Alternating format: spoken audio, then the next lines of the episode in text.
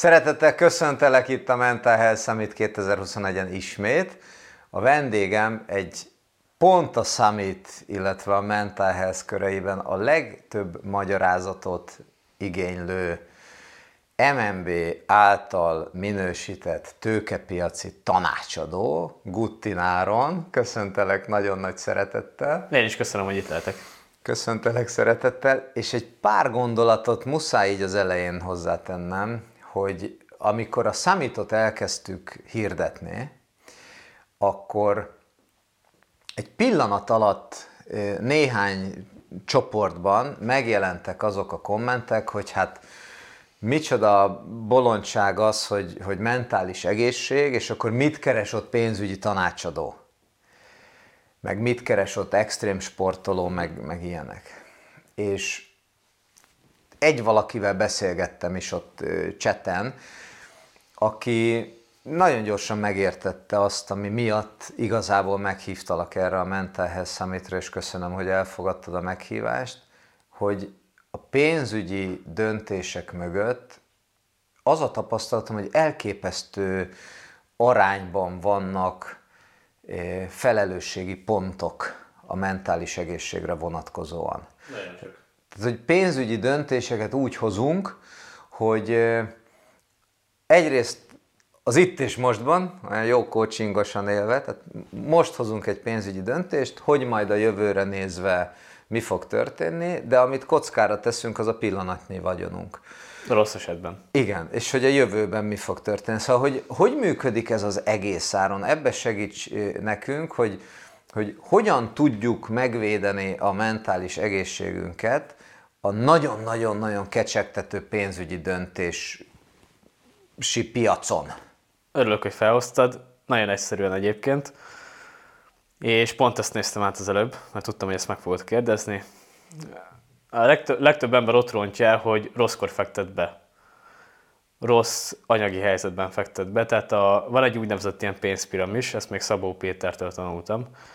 És ez úgy néz ki, hogy először a pénzt azt meg kell becsülni, Hát először ugye magadban rendbe kell azt tenni, hogy az oké, okay, hogyha te gazdag akarsz lenni, oké, okay, hogyha vannak önző céljaid, most nyilván jó értelemben. A második lépés az az, hogy kontrolláld a pénzt. Ez azt jelenti, hogy vezes költségvetést, vagy tudj, tud, hogy mire költesz, mire mennyi megy el. Ezeket kövest. Ez nagyon fontos, mert akkor látod azt, hogy hol tudsz még fogni. És a harmadik lépés az, hogy takaríts meg a negyedik pedig az, hogy fektes be.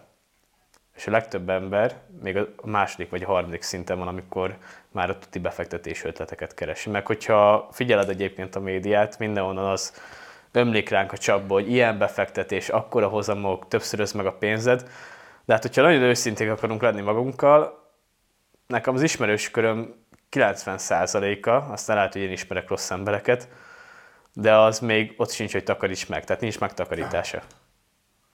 Tehát, hogy igen, megtakarítás nélkül igazából, mint hogyha nem is befektetni akarnának, hanem, hanem pénzt keresni. Ez egy segélykiáltás, ugyanolyan, mint a szerencsejáték. Tehát, mint hogyha az történne, hogy, hogy én most akkor kötök egy akármilyen életbiztosítást, vagy beteszem a pénzemet a, a tőzsdére, vagy forexre, vagy bitcoinra, nem azért, mert hosszú távon gondoskodni Már akarok. nem azért, hogy a holnapi kenyér problémádat megoldja. Na, és hogy ez, ez, ez, ebből valaha valaki kijött sikeresen? Szerintem nem. Hosszú távon biztos, hogy nem. Lehet, hogy rövid távon elért valami rövidke kis sikert, de másodjára, harmadjára, negyedjére biztos, hogy megégette magát, és ebből van egyébként nagyon sok ilyen csalódás. Egyszer voltam kaszinóban egyébként, egyetlen egyszer elmentem. Nekem elég rossz tapasztalataim vannak ebben kapcsolatban. De egyetlen egyszer elmentem, kipróbáltam, hogy milyen, és egy órát ott voltam, de szétuntam magamat. Tehát így annyira unatkoztam, és nem értettem azt, hogy hogy lehet az, hogy valaki itt el tudja tölteni az életét, meg elkölti a családi vagyont először. De amikor kijöttem, akkor megértettem, mert ezek az emberek, akik ott voltak, ezek nagyon sok máró hónapra, holnapra élt, és az nekik egy ilyen hihetetlen dolog volt, hogy mondjuk bedob a vagy feltesz a piros 32-esre 5000 forintot, aztán kisétál 100 ezer forinttal. Hm. Tehát nekik ez egy ilyen hihetetlen élmény volt, hogy ugye semmiből lesz pénz. Aki vállalkozó, vagy aki mondjuk keresett már nagyobb összegeket egybe, az azért tudja, hogy ezt munkával is meg lehet csinálni. Tehát ezeknek az embereknek alapvetően még a legalsó szinten van problémájuk, tehát nem hiszik el azt, hogy ezt meg lehet egyáltalán csinálni. Ja, azért bátorkodtalak meghívni, mert, mert ott van ez az MNB által minősített. És, és van, egy, van egy kifejezés, ami, ami úgy szól, hogy, hogy a legtöbben olyanok osztogatnak befektetési tanácsot, vagy nagyon sokan vannak, vagy nagy arányban, akiknek ránézésre kevesebb pénzük van, mint neked. Tehát, hogy ez egy ilyen általános képlet, hogyha valaki, valaki dolgozik, akkor nagyon hamar belebukkan egy olyan befektetési tanácsadóba, aki éppen akkor kezdte a pályáját, a hóna alatt szaladgál egy mappával, abban van egy portfólió, azt úgy kiteszi, és miben, egyrészt miben bíznak az emberek, és miért bíznak ebben, másrészt akkor majd rátérünk arra, amivel te foglalkozol, hogy és egyébként mi az, amiben meg megszabad bízni. Tehát, hogy mi ez a, a, a félelem, ami, ami hajt bennünket, hogy most akkor sok pénzt akarunk, a kabzsiság, a, a hirtelen szerencse, hogy megfogni az Isten lábát, vagy ez mindezek együtt, meg hogy, meg hogy hogyan használják ezt ki mások? A legtöbb embert a hozzá nem értés és a lustaság hajtja egyébként. Tehát kapzsiság az mondjuk a, egy 10%-ot körülbelül. A többi ember az nem, nem akar ezzel foglalkozni, és igazából lusta is ahhoz, hogy ez, ezzel foglalkozzon, és itt most azért azt megígyezném, és a kedves nézőknek mondanám, hogy a pénzügy az az életünk egyik legfontosabb területe. Tehát én mondjuk nem vagyok orvos, de hogyha van valami egészségügyi problémám, akkor én két-három órát rászannak arra, hogy a neten utána nézzek annak. És nem leszek ettől orvos, de kapok egy rálátást a problémámra, mert nekem fontos az egészségem. A pénzügyi egészségünk is szerintem ugyanennyire fontos. Ezzel azt akartad mondani, hogy egy pénzügyi döntés előtt szálljunk rá az időt, és kicsit, kicsit ássuk bele magunkat az egészbe. Nagyon kemény pontot fogtál meg. Ez, ez, ez, bocs, ez, ez, ez, ez pont most jut. Tényleg, tehát annyira igazad van.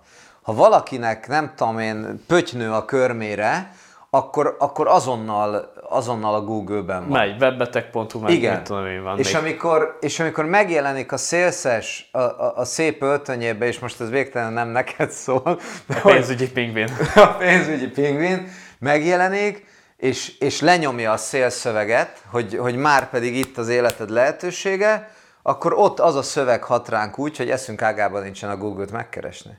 Igen. Tehát milyen jó lenne, ha az orvosok is jó értékesítők lennének. Nagyon kemény. Tehát például egyébként én ismerek több olyan értékesítőst is, még a biztosítás szektorból, akik úgy csináltak, hogy leegyeztetek egy találkozót, kimentek mondjuk a, az árkád vagy valamilyen kávézóba, és akkor ott a életében először találkoztak az, azzal az emberrel, nagyon egyszerűen elmondták neki az egészet, hogy figyelj, te fogsz kapni 6%-ot havi szinten, vagy éves szinten ebből, garantáltan, aztán kész. És nagyon sokan, tehát ilyen mondjuk 10-ből 5 aláírták. És elköteleződtek mondjuk itt 10 vagy 20 évre. Elképesztő. Én, én nekem egyetlen egy negatív tapasztalatom volt. Mesélted. É, amikor, hát még a nagy multiban dolgoztam, és, és jött, egy, jött egy kollega, aki sok száz fős szervezetben a legjobban öltözött kollega volt. És kiderült, hogy ő annál a bizonyos, egykor létező broker cégnél dolgozott, aki hatalmas házalást folytatott mindenféle életbiztosításokkal, és az történt, hogy úgy önmagában kecsegtető volt, hogy hát milyen szép a, a ruhája neki. Igaz, hogy én is cégautóval jártam már akkor, és bármit megengedhettem magamnak, amit akkor én meg akartam engedni. De hát, hogy kíváncsi lettem.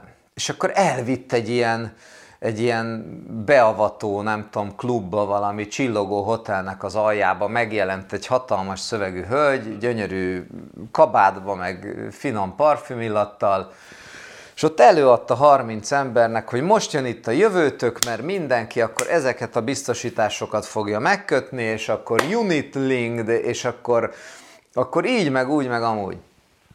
És utána háromszor, négyszer találkoztam ezzel a hölgyel, és az volt a feladat, hogy írjam össze, hogy kik azok az ismerőseim, akik. És egyetlen egy, egyetlen egy emberhez mentünk el. Bocsánat, kérdezzek közben. Igen. Téged itt mi, mi, mi motivált itt téged? Abszolút a pénz keresete, illetve, illetve az, a, az a siker, meg az az üzenet, hogy, hogy nagyon könnyen lehet pénzt szerezni. Tehát, hogy itt, itt most maga a csoda történik. Uh-huh. Ez érdekes, mert én a legtöbb ügyfelem az vállalkozó. És van közöttük több milliárdos is, és én még nem láttam olyan embert közülük, aki, aki könnyen keresett volna pénzt, tehát aki könnyen jutott volna hozzá. Na hát ez az. Tehát, hogy, hogy, hogy nem, nem csak az, hogy, hogy, hogy van egy ilyen ígéret vele, hanem utána, amikor, amikor azok az emberek, és végülis ez a történet is így végződött, hogy, hogy az egyetlen ember, akinek én bemutattam, az utána folyamatosan kapta tőle a hívásokat. Tehát, hogy én már, én már nem kaptam semmit, én azt se tudtam, hogy, hogy mi történik. Ő folyamatosan kapta tőle a hívásokat, és, és a vége az lett, hogy ami elképesztő, elképesztő mennyiségű pénz bukott így a hétköznapi helyzetben, nem győztem utána járni, elnézést kérni, és én akkor mondom, hogy soha többet. Tehát, hogy, hogy ez, ez egy elképesztő dolog, hogy, hogy az a fajta egyszerű naivitás, hogy neked van mondjuk havi akár csak 20 ezer forint megtakarítható pénzed, na azt tedd ide ebbe a portfólióba, és akkor majd minden hónapban elutalod, és a végén mi derül ki? Az, hogy öt év után vagy körülbelül nullán, öt évig mindent elvesztesz, hogyha ki akarod venni. Ez hogy maradhat egyáltalán életképes? Egyáltalán van még ilyen a piacon ma? Rengeteg, csak ilyen van szinte. Meg most megnyugtattál sok embert szerintem. Sajnálom, ez az igazság sajnos. Tehát, hogy ez továbbra is dívik. Igen. Alapvetően én azt mondom, és azért most ne, követ, ne követsz meg, hogy nem, nem ezzel van, van a baj, mert van olyan helyzet, egy, van olyan élethelyzet, amikor ez tud egy jó szél szolgálni. Tehát például, hogyha te mondjuk 40 körül vagy most, ugye? Már 44 lesz. 40. De azt mondom neked, hogy figyelj, tegyél félre egy ilyen befektetési alapba 20 évig a nyugdíjadra, havi 20 ezer forintot, neked tök mindegy, mert, mert azt elköltöd amúgy is egy vasárnapi kirándulásom, tehát nem fogod megérezni. Nyilván van, aki ezt megérzi, de azt mondod, hogy oké, okay, elteszed, és megfeledkezel erről az összegről, és mivel van rajta egy ilyen pecsét, azért nem fogsz hozzányúlni. Ettől függetlenül maga a szerződés az előnytelen, tehát van ennél jobb is, hogyha euróba tartanád és euróba pakolnád ezt félre, lehet, hogy már azzal jobban járnál, sőt szinte biztos de 25 év múlva lesz, lesz mondjuk ott megtakarítva pár millió forintod, megkapod rá azt a 20%-os állami jóváírást, és ugye nem emlékszel rá meg, amikor úgy vagy vele, hogy hozzányúlnál, akkor is úgy vagy, hogy hát inkább nem nyúlok hozzá, mert van rajta egy, mm. ilyen, egy ilyen pecsét. Tehát van, akire ez ösztönzőleg hat, meg úgy gondolom, hogy még egy ilyen nyugdíjbiztosítás talán, talán elfér bizonyos helyeken, de alapvetően én is tartom jónak ezt a konstrukciót. Csak azt akarom mondani, hogy ha ez le van kommunikálva, akkor ez, ez annyira nem elítélendő. Ha már, ha már mentális egészség, én inkább ezt a, ebbe az irányba mennék, viszont, viszont mi az a, mik azok az oldalak, meg mik azok a paraméterek, amiket érdemes egy pénzügyi döntés előtt egy akármilyen termék kapcsán megnézni. És akkor most még csak a normális termékeknél tartok, tehát mondjuk egy valódi biztosításról honnan tudom meg, hogy az egész abban a kontextusban, amiben befektetés, egy totális kamu. Mert ugye mondtad még a beszélgetésünk előtt, hogy hát ezek valódi biztosítások, csak rettenetesen rosszak a feltételeik. Szóval, hogy hol tudja az ember megnézni azokat a feltételeket, és hogyan tud rájönni, hogy na, ezt rám nézve ez így nem jó. Most megint gonosz de egy laikus az, az soha nem fogja ezeket így megtalálni. Tehát ez, mondjuk mondok egy példát, egy normális ilyen biztosításban, normális biztosításban ez a, az ASF-nak a 70, 75. oldalán van. Vagy és mondjuk belerakják az Tehát, hogyha mondjuk odalapoztam az ASF 75. oldalára, akkor, és ott van ez, akkor mit olvasok ott? Például. Hát az első sort el fogod olvasni, a többit az nem, mert úgy van De ha megtaláltam, tehát hogy, hogy konkrétan mi az a mondat, ami, ami, amiből én rájöhetek arra? Költségek, hogy... költség és hozamtájékoztató mondjuk ilyenek. Aha, és mi az a, tehát hogy tényleg ha a laikusnál ott van egy ilyen, és most szeretné meghozni a döntését, me, milyen költségeket kell találni ahhoz, hogy az jó legyen, vagy hogy az Értem a kérdést, van egy, van egy belépési díja az egésznek, tehát van egy éves díja, Aha. aztán vannak a, az ott, ugye a Unitlink az azért Unitlink, mert befektetési egységekhez van kötve, és ezeknek a befektetési egységek megvásárlásának van egy díja, meg a fenntartásának is van egy díja, az mondjuk ilyen 1 és 5 százalék között van, plusz még van egy ilyen éves alapkezelési díj, vagy vagyonkezelési Aha. díj. Én kiszámoltam egyszer egy ilyet, és körülbelül, most nem mondom, hogy melyik cégnél, az első két évben a, az ügyfél kifizet 1800 eurót, egy havi 50 ezer forintos, tehát durván ilyen 150 eurós havi szintű megtakarításra, mhm. kifizet az első két évben 1800 eurót, plusz még minden évben 7%-ot. És akkor mennyi marad neki? Hát kevés. Kevés, és ezzel az is az a legnagyobb probléma, hogy ez egy gyors, súlyos költségszerkezete van. Tehát az első két-három évben nem fog annyit befizetni, ami mondjuk a következő 5-3 évben ez, vagy 5-4 évben ez visszatermelné neki azt. Tehát mondjuk 10 év után? Hát 10 év után fogja körülbelül látni azt az összeget, amit addig befizetett akkor, hogyha jó hoz. Tehát, hogyha tényleg azért átlagon felüli hozamot ér el. Szóval ezt jól meg kell gondolni, majd rátérünk arra, hogy és mi az, ami javasolt. De előtte még, még egy gondolatot engedj meg. Tinder, TikTok, stb. Igen. Tehát, tehát, hogy mindent hallani. Mindent hallani. Milyen még nagyobb lehúzások létezhetnek, ami, kecsegtető. Akkor ugye a kedves nézők kedvére elmesélem, hogy Tinderen van egy, eh, vagy itt van több is állítólag, olyan hölgy, aki megkörnyékez férfiakat, kicsit elcsábítja őket, és aztán leimádkoz, leimádkozik ilyen 30-40 millió forintokat a számlájukról, hogy fektessék a bitcoinba, vagy valamelyik más kriptovalutába. A másik pedig a TikTokon volt, vagy lehet, hogy még van is egy olyan jósnő, aki megjósolja, hogy a részvénynek az árfolyam az fölfelé megy, vagy lefelé, és hát néha bejött neki, tehát azért ez egy kétirányú utca, tehát vagy bejön, vagy nem. Úgyhogy aki mondjuk tényleg azt látja, hogy találkozik egy ilyen biztosítási üzletkötővel, aki ad neki egy olyan megtakarítást, amiben mondjuk 10 évig nem lát egy forint hozamot se, mellette meg van egy 0%-os kamat sivatag, tehát hogy beviszed a bankba a pénzedet, akkor fél százalékot vagy nulla százalékot fogsz rákapni egy banki alapkamatként, de ez a jósnő meg azt mondja, hogy a Tesla az következő héten 30 százalékot nőni fog, és bejön neki, akkor lehet, hogy inkább, tehát laikusként értető, hogyha valaki neki hisz. Tehát laikusként, laikus fejjel gondolkozva, azért ez mégis egy logikusabb döntés, mint akkor az előző kettő helyre elhelyezni a pénzemet mik a következményei? Találkoztál te következményekkel? Hogy valaki hozott egy rossz döntést, mi lett vele utána, hova jutott? Vagy milyen érzelmi feszültségeket él meg azután, miután kiderül, hogy itt most gáz van? Hát ők általában közben is megélik. Tehát van ilyen ügyfelem, aki végül aztán ügyfél lett, tehát ő tudatosan belelépett egy ilyen pilótajátékba, egy olyan pilótajátékba, ami lehúzásról szólt igazából Tudatosan. Tudatosan, mert azt mondta, hogy tudja, hogy elveszíteti az összes pénzét, de hogyha jókor száll még ki, akkor lehet, hogy ő megtöbbszörözi vele. De viszont ő egy nagyon kétségbeesett ember volt alapvetően is. Tehát a kisugárzása se volt, olyan nem szívesen szívtál bele egy levegőt. És hogy szállt ki belőle? A pénzét visszakapta. Na. A pénzét visszakapta, de a legtöbben ugye azért nem tudják ezt.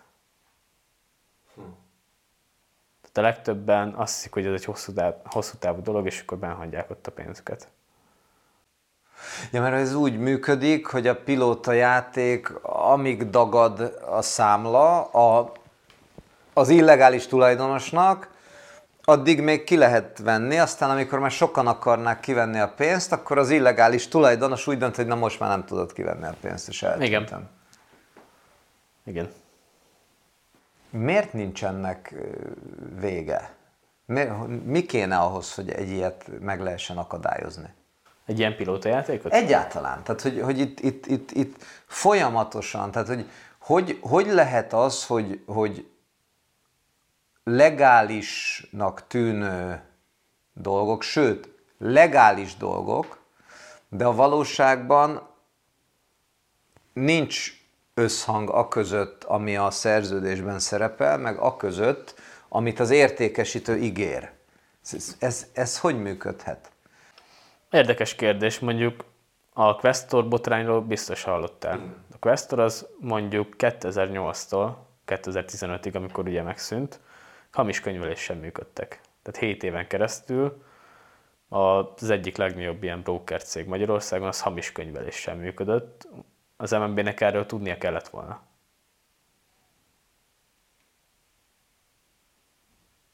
Úgyhogy ez egy jó kérdés. Szerintem két oldalról kell megfogni az egészet. Az egyrészt egy szigorú szabályozói rendszer, a másik pedig, hogy edukálni magát a piacot. Akár mert iskolában is nagyon fontos lenne, hogy ezt elkezdjük, de ezt nem én mondtam először. Ezt már biztos te is hallottad. Az biztos. Igen, igen. igen. Fontos lenne az, hogy egyrészt a, aki ennek a piacát képezi, tehát a lakosságot edukálni ezekkel kapcsolatban, másrészt pedig a szigorú szabályozói rendszer. Magyarországon azért egyik sincs meg szerintem teljesen. Azért a szabályozói rendszerben sokat fejlődtünk, viszont még nem mondanám azt, hogy ez a világ legbiztonságosabb banki környezete. A másik felől meg amit mindenki meg tud tenni, az az, hogy ön, ön, ön, ön edukációt végez. Tehát, hogyha már iskolában nem tanított meg minket erre senki, akkor tényleg szálljunk rá mondjuk egy hónapot, vagy egy fél évet, és akkor foglalkozunk ezzel egy napi 10-20-30 percet. Csak YouTube-ra írjuk be, hogy hogyan fektessünk be. Hogy hogyan fektessünk be biztonságosan, és nézzük meg azokat a videókat, amik nekünk tetszenek, szimpatikusak. Most, hogyha megnéztünk már mondjuk 10-20 ilyen videót, akkor el fogjuk tudni azért dönteni, hogy melyik az, amelyiknek hinni kell, meg melyiknek sem. Igen, mert ugye ott van ezek között a videók között az is, aki aztán el akarja venni a pénzt. Ott van ezek között a videók között az is, de ezek között a videók között van olyan is, aki egyébként oktatást biztosít. De én azt mondom, hogy az ingyenes YouTube videókból ebbe a témába azért annyi anyag jött ki, hogy mindent meg lehet tanulni, ami alapvető. Tehát itt nem kell kifizetni semmit. Tehát olyan, olyat keressünk erre, hogyha már fizetni akarunk érte, akkor olyat keressünk, aki, aki nem fog értékesíteni semmit a tudáson kívül. De ezért leszűrhető. De adok mondjuk a Benjamin Grahamnek a könyvei, könyveit azt tudom ajánlani, intelligens befektető. Egy ilyen, ilyen könyv, aki ezt elolvassa, az, az jó. Azt tudja az alapokat. Köszönjük, az fontos. Tehát Ben- Benjamin Graham. Benjamin Graham, intelligens befektető. Azzal nem lehet mellélőni. Áron, nagyon köszi. Akkor térjünk rá oda, hogy akkor viszont mi a helyes megtakarítás, illetve mik azok a, mik azok a termékek, amiket, amikben egyáltalán érdemes gondolkodni. A megtakarításnál két cél lebegjen a szemünk előtt. Az első az, hogy megverjük az inflációt. Tudnunk kell, hogy az adott országban, ahol élünk, vagy az adott devizában, amiben félreteszünk, mekkora az infláció. Magyarországon a KSH szerint 3,7% volt tavaly, szerintem ez ennél több volt. Tehát, hogyha mondjuk élelmiszer árdrágulást nézünk, vagy egy, vagy egy sima fogyasztói kosarat, egy átlagembernek a fogyasztói kosarát, akkor ez mondjuk ilyen 7-8% körül lehetett. Ugye Churchill mondta, hogy annak a statisztikának hiszik, amit én hamisítottam meg. Tehát egyrészt verje meg ezt az inflációt, a másik pedig az, hogy tűnjön el a szemünk elől. Tehát, hogy ne tudjunk hozzányúlni. Mondjuk nekem, én úgy csinálom ezt, hogy minden hónapban, amikor megérkezik a fizetésem, akkor egy x százalékot, vagy ami nem kell, azt leveszem, átváltam euróra. És, és ez nem tudsz hozzáférni. Hát Illetve ott, munkával jár hozzá. Hát el kéne mennem, és akkor nagyon rossz árfolyamon vissza tudnám váltani. Vagy rosszabb árfolyam, mint, mint amit mondjuk egy ilyen nagyobb vásárlásnál kapnék. Tehát nem éri meg amúgy hozzányúlnom, meg, meg tök macerás az egész, és ezért nem is gondolok rá, tehát kikerül így a gondolataimból, elfelejtem az egészet, és csak a forintot tartom számon.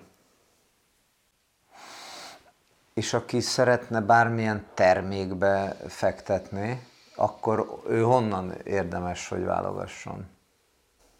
Banki megtakarítások. De azért mondom, hogy én, én nem nagyon találtam annyira jót így a magyar piacon, amire azt mondanám, hogy tényleg tiszta szívvel tudom ezt ajánlani. Hm. Most így már jobban átlátom ezt az egészet. Hogy ne ijesszük meg az embereket. Azért... Nyilván most, bocsi, a, annyi, hogy én is értékesítek megtakarítást a bankba, azt szerintem egy ilyen két-három éves időtávon jó tud lenni, viszont akinek mondjuk még nincs arra se pénze, hogy mondjuk a, hogyha holnap nem kapja meg a fizetését, vagy jövő hónapban, és nem tudja, hogy mit kezdjen, én azt annak se ajánlom szívesen.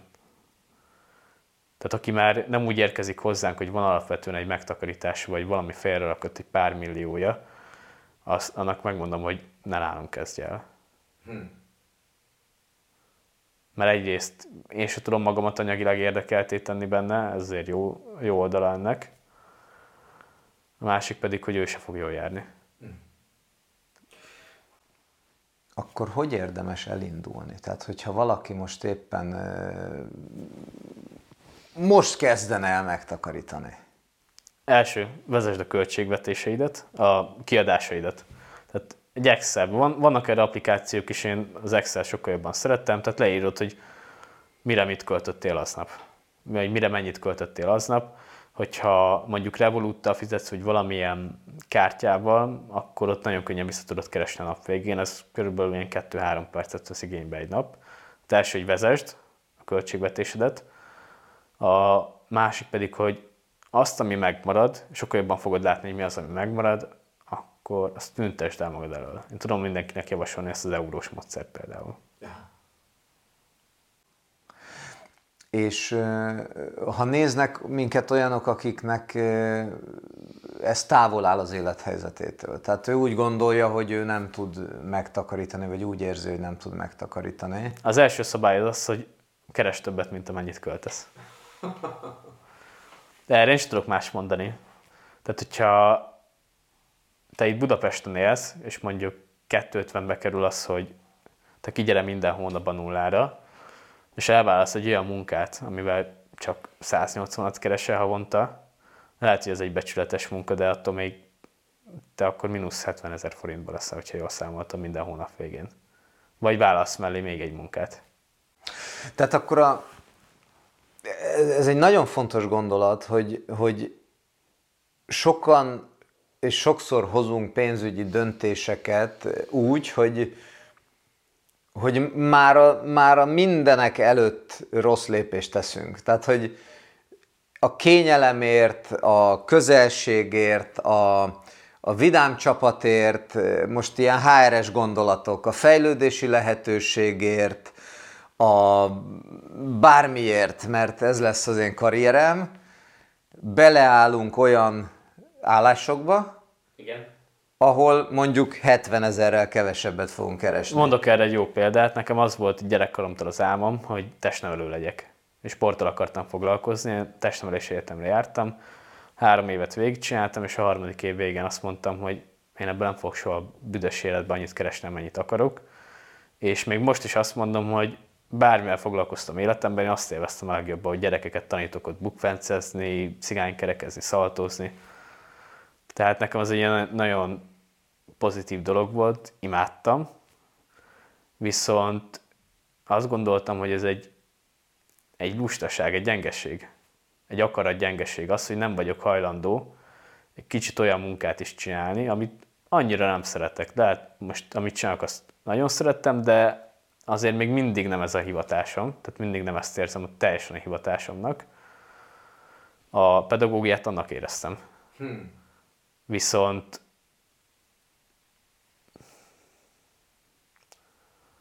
úgy gondolom, hogy, és nem akarok ezzel megbántani senkit, de ez egy önbecsapás is. Tehát, hogyha én látom azt, hogy nekem kell mondjuk havonta 300 ezer forint, vagy 250 ezer forint, és tudom, hogy a testnevelő tanárkodásért az első három évben csak 120-at kapok, akkor nem, nem fogom azt mondani, hogy én le, lejjebb veszek az igényeimből, mert az meg ott majd az önbecsülésemet rombolná. Tehát én szeretem magamat annyira, hogy hajlandó vagyok szenvedni is egy kicsit ezekért a dolgokért. Kilépni a komfortzónámból.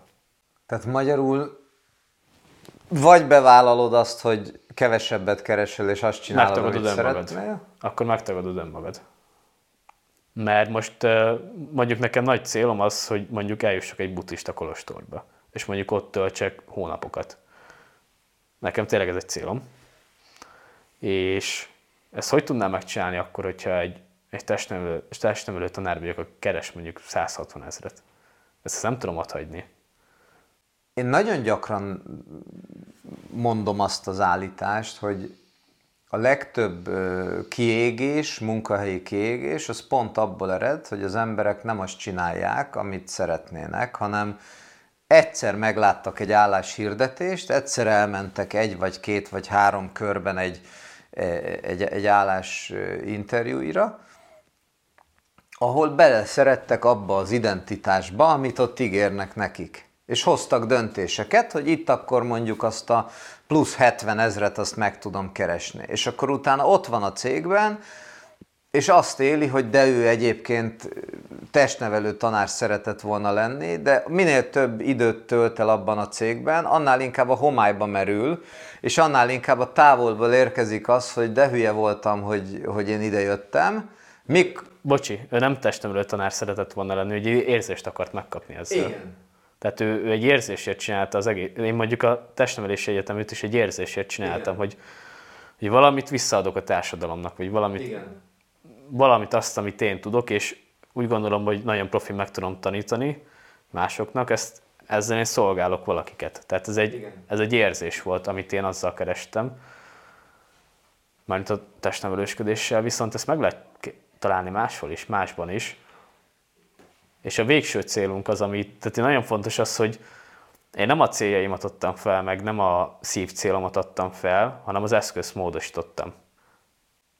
Ez az, amire én is reflektálni akartam, hogy, hogy az én álláspontom szerint az egészséges munkavállalás az azt jelenti, hogy a munkámat adom cserébe a pénzért, és nem önmagamat, nem az álmaimat fel, nem az identitásomat, nem a, az elképzelt világomat, csak és kizárólag a munkámat adom azért a pénzért. És, és ebből nagyon sok konfliktus is fakad utána, mert abban a pillanatban, amikor már nem csak a munkám van ott, hanem a, a, a, az, az álmom, meg a vágyam, meg a minden, akkor jön az, hogy már nem kezdi, nem csinálja a munkáját, mert már úgy érzi, hogy hát én a lelkemet odattam ennek a cégnek. Én itt, én itt, én itt kilettem szipolyozva. És ez tök fontos, hogy, hogy akkor voltak épp a befektetéseknél is pont ugyanez jelenik meg egy kicsit máshogy. Csak ott, ott nem az van, hogy én behódolok, mert mondjuk azt hallom ki a szavaidból, hogy ha majd megteheted, akkor te nagyon szívesen tanítasz gyerekeket testnevelésre, meg szaltózni, meg bukfencezni. Most már egyébként érdekes, hogy nem. Tehát most már Aha. úgy vagyok vele, hogy találtam olyan Csináld sok, az sok, Sokkal hasznosabb dolgokat, amiket akár tanítatok, vagy akár megvalósítatok. És akkor igaz az, hogy, hogy, hogy a pénzügyi döntéseknél is ebbe a hibába esünk egy ilyen gyors meggazdagodási vágyjal, hogy, hogy én csak a pillanatnyi kényelmet szeretném felszívni magamba? Mindenki a pillanatnyi kényelmet szeretne, aki rossz pénzügyi döntést hoz. Tehát kicsit úgy vannak ezzel az emberek, és amúgy annyira meg, meg lehet érteni őket, tehát egy ponton én megértem őket, de az emberek ezzel kicsit úgy vannak, hogy mint amikor te elviszed a kocsidat szervizbe, hogy elviszed a kocsidat szervizbe reggel, és téged nem érdekel, hogy a szerelő az milyen csavart használ, vagy hogy milyen olajjal keni be a tengelyt. Téged az érdekel, hogy négy órakor te el tud vinni, aztán a gyerekedére el tud menni vele az iskolába. Tehát téged más nem érdekel. És valahogy az emberek a pénzügyi helyzetükkel is így vannak. Tehát nincs meg rá az igényük, hogy ebben edukálják magukat, mert nagyon sokszor hallom ezt vissza, hogy, hogy ne is mondja nekem a költségeket, a stb. Nem mondja nekem, uram, mert, és az ügyfeleim mondják, mert én nem értek hozzá, azért jöttem ide, hogy ezt ön megcsinálja. És az a tapasztalatom, hogy én erősködök, és akkor mégiscsak elmondom azt, hogy de figyelj, ez ilyen meg ilyen feltétellel fog járni neked, akkor nagyon sokszor nincs üzlet. És nem azért, mert a feltételek rosszak, hanem azért, mert ő, őt leterheli ez az információ, és ezért nem tud döntést hozni. Ez, ez, ez megint elképesztő. Tehát akkor ez a feladata a befektetési tanácsadónak elsősorban, hogy ő az ügyfél helyett tudja, hogy az ügyfélnek mi a jó, illetve nyilván akkor ez hozta azt is, hogy rengeteg rossz befektetés létezik, ahol ugyan tudják, hogy ez nem jó az ügyfélnek, de mivel úgyis rám van bízva a bizalom, ezért én azt fogom mondani, hogy jó. Tehát ez egy, ez egy őrült felelősség az etikus piacon is. Igen. És, és akkor visszaugorva a beszélgetés elejére, hogy az, az orvosnál meg pont fordítva megy, hogy fogorvos barátom szokta mondani, hogy megérkezik a paciens, és mondja, hogy hát a, bal, bal felső hatost fogjuk húzni. És akkor hát elnézést, majd én eldöntöm, hogy mit fogunk csinálni. Tehát, hogy orvoshoz úgy megyünk, hogy mindent tudunk magunkról, pénzügyi tanácsot meg úgy hoz, pénzügyi döntést meg úgy hozunk, hogy hát az önre van bízva, maga ért hozzá. Ez, ez, ez, egy, ez egy nagyon veszedelmes helyzet, én azt gondolom. Áron, mit, mit gondolsz, hova tart most a világ? Most szándékosan a világot kérdezem, hogy, hogy itt vagyunk így 2021-ben, mi várható a következő évekre? Nem ismerem azt kérdezni, hogy a következő 5 évre vagy 10 évre, hanem mondjuk a következő néhány Milyen évre. szempontból? Pénzügyi szempontból. Tehát aki, aki ma mondjuk hiányolja azt a, maradjunk ennél a példánál 170 ezer forintot, ő neki meg lesz az esélye egy másik állást, vagy ugyanabban az állásban megkeresni a konjunktúra jön, vagy, vagy, vagy, vagy diszjunktúra? Konjunktúra. Teljesen egyértelmű. A következő öt évben biztos. Tehát mi fog történni? Ugye annyi pénz jött ki a piacra, hogy mindenkinek az életszínvonala nőni fog, a társadalmi olló meg tovább tágul. Ugye amikor a Margaret Thatcher befejezte az utolsó parlamenti ciklusát, akkor kapott egy, és érdemes megnézni ezt a parlamenti vitát, angolul van, de érdemes, kapott egy olyan vádat, hogy az ön kormányzása alatt nyílt szét a legjobban a társadalmi jóló Nagy-Britanniában. Erre a Margaret Thatcher fölállt, és azt mondta, hogy ez igaz, viszont az én kormányzásom alatt lettek a szegények, vagy az én kormányzásom alatt nőtt a szegényeknek a legjobban az életszínvonala is. Hát ettől függetlenül, hogy széljebb, széljebb nyílt a társadalmi olló, a szegénység is sokszor felszámolódott ezzel. Most nem Magyarországról beszélek, hanem globális értelemben. Tehát arra számíthatunk, hogy, hogy itt a Covid ide, Covid oda, előző hullám, következő hullám lesz-e, stb. Ettől függetlenül a gazdaság az növekedni fog, és újabb és újabb lehetőségek fognak teremni. Igen. Ez azért, azért nagyon fontos. Egyrészt én abszolút feltétel nélkül hiszek neked. Tehát bocs, itt még nagyon leszerűsítve, ami történni fog, hogy a gazdagabb még, gazdagabbak még gazdagabbak lesznek, viszont a következő három évben a szegényebbek is még gazdagabbak lesznek, ha bár még jobban fogjuk azt érezni, hogy mondjuk én örülök akkor, hogyha veszek egy, egy királyopát magamnak, de az ugyanannyi idős srác, mint én, meg valahogy megveszi a Lamborghini Uruszt. Tehát ugye, amik nagyon sokat hallgatok ilyen podcasteket olyan emberekkel, akik mondjuk még a 80-as, 90-es években szerezték a vagyonuk nagy részét, mondjuk a Bigelászló például ilyen, meg a Kulcsár Tibor, és ők egyöntetően azt mondják, hogy az ő idejükben még nem volt olyan, hogy hogy ennyi luxusautó járt volna Budapest utcáin. Tehát akinek jól ment, az mondjuk megvette a legújabb Ladát, Zsiguli Trabantot, és akkor akinek jól ment, annak olyanja volt. De nem jártak az emberek így ferrari meg hasonlókkal. Most meg azt látjuk, hogy a legtöbb embernek vagy nincs autója, vagy valami alacs, ol, olcsóbban jár, tehát ilyen két millió forint alattival, vagy a prémium. Tehát köztes nem nagyon van. És ugye autókereskedők is ezt mondják. Tehát van egy-két autókereskedő is velem, és azt mondják, hogy ami megy, az vagy a prémium, vagy ez a két millió alatti. Tehát az autóparkban is nyílik az olló. Igen. És középen, középen nincs semmi. Azért fontos ez, mert sokan gondolkoznak, tehát pár hónapja volt, most ugye május közepe van, még talán április végén beszélgettem először egy, egy multinacionális nagyvállalatban dolgozó barátommal, először arról, hogy nekem legalább még van munkám, mondja ő. És hogy egy évvel ezelőtt, egy évvel ezelőtt még csak a specifikus szektorokat lehetett hallani, ugye, akiket a korlátozások érintettek, hogy, hogy nincs munka. És egy év alatt elkezdtek aggódni sokan dolgozók, hogy de mi lesz akkor, hogyha most itt a, az én munkáltatóm is meghúzza a számokat, és akkor itt is leépítés lesz, meg itt is leépítés lesz.